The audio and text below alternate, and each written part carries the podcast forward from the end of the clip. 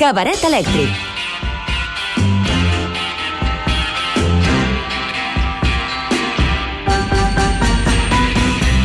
I els oients que sempre... Mira, mira com riuen contents perquè han guanyat les cerveses. Una festa, també. una cosa... Exacte, l'Anna Ferrer, que no ha guanyat cap birra, no fa tanta veu així de- de- d'alegria, però déu-n'hi-do, eh? déu-n'hi-do. Bueno, si vols, m'animo una mica. Anima't, Jo només m'ho has anima't. de demanar, doncs visca. Però clar- Matem gent. Matem gent? No, matem gent no. Ja sabeu que és una secció on explica maneres de morir. Ahà. És la rigor mortis. I avui, doncs, lligats a la via del tren, que és el que fe, faria Lucky Luke perfectament. Bueno, Tanqueu la porta, oients! En la Luke, en tot cas, deslligaria la senyoreta de les vies del tren, Ai, no? sí. Doncs sí, uh, fem investigació una altra vegada, avui a rigor mortis, perquè, clar, és això, l'escena de la via del tren l'hem vista moltes vegades, allò que hi ha un dolent vestit de negre, barret de copa i bigot i cargolat, i té la damisela desesperada i emmordassada a les vies, i aleshores, a vegades l'heroi arriba just a temps i a vegades se subverteix el tòpic i no, i es patxurren a la senyoreta. Que fort, Així com ens que hem de veure. anem a veure d'on surt això. Oh, well, I jump in my ride about a quarter to nine. My head was a crossing at 14th and Vine. Hey, hey. Aquesta bonica música un també es lligaria a les vies del tren. Doncs bé, a veure, comencem pel començament. Hem dit que era un tòpic, que ara fa un segon, i és que és precisament això, vull dir, hem vist la situació tota, a tota mena de pel·lis, sèries, còmics, etc durant tota la nostra vida, però jo m'atreveixo a assegurar que gairebé sempre el 90% de les vegades ha estat una paròdia. Dir, a tu et sona haver vist mai una senyoreta lligada a la via del tren per un senyor amb bigot i cargolat i que fos de veritat, que fos per afegir tensió? Mm, No, perquè sempre hi ha com un punt de paròdia. Jo me'n recordo que fins i tot em sembla que en alguna pel·lícula d'Indiana Jones això passava, però Molt sempre era com... Però sempre és allò de recórrer a Sí. la paròdia de la paròdia de la paròdia de l'opereta, no? Exacte, no, no ho hem vist mai, de veritat. Però Aleshores, potser sí que passen aquestes Anem coses. a veure com es va arribar a aquest extrem, perquè, segons sembla, les primeres vegades que aquesta escena va aparèixer en obres de ficció va ser el 1863 en una obra de teatre que es deia The Engineer, d'un senyor anglès, Charles Bolton, i la segona va Res ser... a veure amb Michael Bolton per la res seva a veure, sort. Res a veure.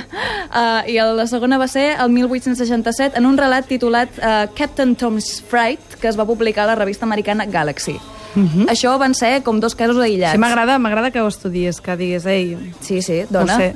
Eh, documentadíssima, però resulta que la va popularitzar un senyor que es deia uh, Augustin Daly en una obra de teatre del 67 que es deia Under the Gaslight. I curiosament en aquest cas no era una damisela en perill sinó que era un noi el que estava lligat a la via del tren. I es veu que l'obra en general i aquesta escena en particular van tenir tant d'èxit que a l'any següent, només a Londres, es podien veure cinc obres diferents on apareixia l'escena de la via del tren. déu nhi T'he de dir que ens estan aquí fent un apunt interessant. La Laura, Sí. des de Twitter, ens diu això és molt Brutus Olivia Popeye. Sí, també, també és una, és una situació també molt, Molt típica. De, de triangle així raro. Amorós. Sí, però de, de maldat més que, més que d'amor, no? Exacte.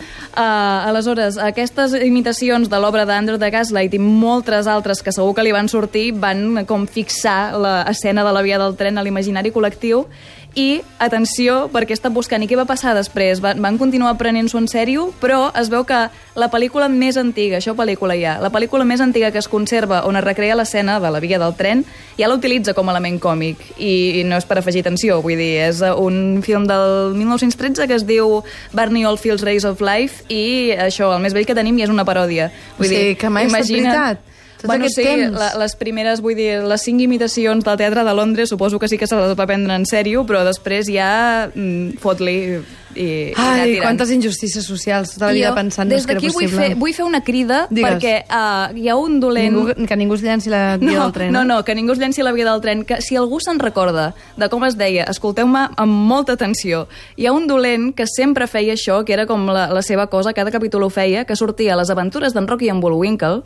A les aventures d'en Rocky i en Bullwinkle hi havia un segment que es deia Bonifaci Bonjan, agent de la policia muntada. I el dolent sempre feia això, i no me'n recordo com es deia en català. I no ho he trobat en lloc. En anglès es deia Snidely Whiplash, però mm, jo que tinc molt bona memòria per les sèries que han fet el Super 3 no aconsegueixo recordar-me'n per res del món. Si algú sap, que tuitegi o el que sigui. Sisplau, que escrigui a I ploraré. cabaretelèctric arroba icat.cat. I ploraré molt Com fort. es deia el bo?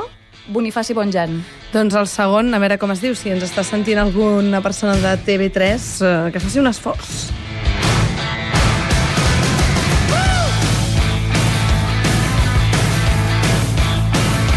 A rigor mortis ens sorgeix una pregunta, oi, Anna? Sí, sempre la pregunta que hi ha després de que investiguem els casos de ficció és i això ha passat de veritat? Perquè quan és eh, una cosa molt òbvia com electrocucions, dius, sí, és clar que algú s'haurà electrocutat de veritat, però pot ser que algú hagi lligat mai de veritat algú a la via del tren? Eh, Més ja- aviat eh, és més possible que lliguis a la via del tren mentre Potser sí, l'esperes. però clar, tu t'imagines quin sentit de l'espectacle de tenir algú que vulgui cometre un assassinat i digui, saps què? Ho farem bé. Uh, em posaré el barret de copa i, i anirem. I aparentment sí, això ha passat, vull dir, el, uh, molt poc després d'aquest gran èxit això és perquè ho va van veure a- a la Exactament, tele. vull dir, Es- que, no, a la tele no, van veure qualsevol de les obres on sortia aquesta, aquesta escena I es van animar. i es van, dir, animar, això és possible. van dir, tira, som-hi, i és, és uh, això, la, la realitat supera la ficció, però molt de llarg, i això, l'Agustín Daly, aquest, l'autor de l'obra que ho va originar tot, deia que el ferrocarril es vivia com un gran progrés, però també com una terrible amenaça, i per això, doncs, mira, aquestes coses passaven. I tinc el cas molt ràpid. A l'agost del 1874 hi havia un senyor que es deia Gardner, que va ser atacat i lligat a les vies del tren i va aconseguir deslligar-se de gairebé tot, excepte d'una cama. Què dius? Va perdre una cama. Oi. Sí, sí, i després va morir per la ferida, però no exactament pel tren. Bueno, són aquelles coses. Però sí, hi ha hagut molts més casos. Només als Estats Units, entre el 74, o sigui, el 1874 i el 907, van morir com a mínim 5 persones d'aquesta manera. O sigui que hi ha molta gent que ho va veure a les obres de teatre o després va veure les pel·lícules. Sí, o bueno, se li va presentar l'ocasió i va dir, escolta'm, tinc aquí la víctima, per què no? Per què no? que era Hoy me un, lanzo. un look i look de la vida. Sí. Doncs Sí, sí. escolta, digue'm un número de l'1 al 14, perquè havíem de sortejar el còmic aquesta nit. El 4?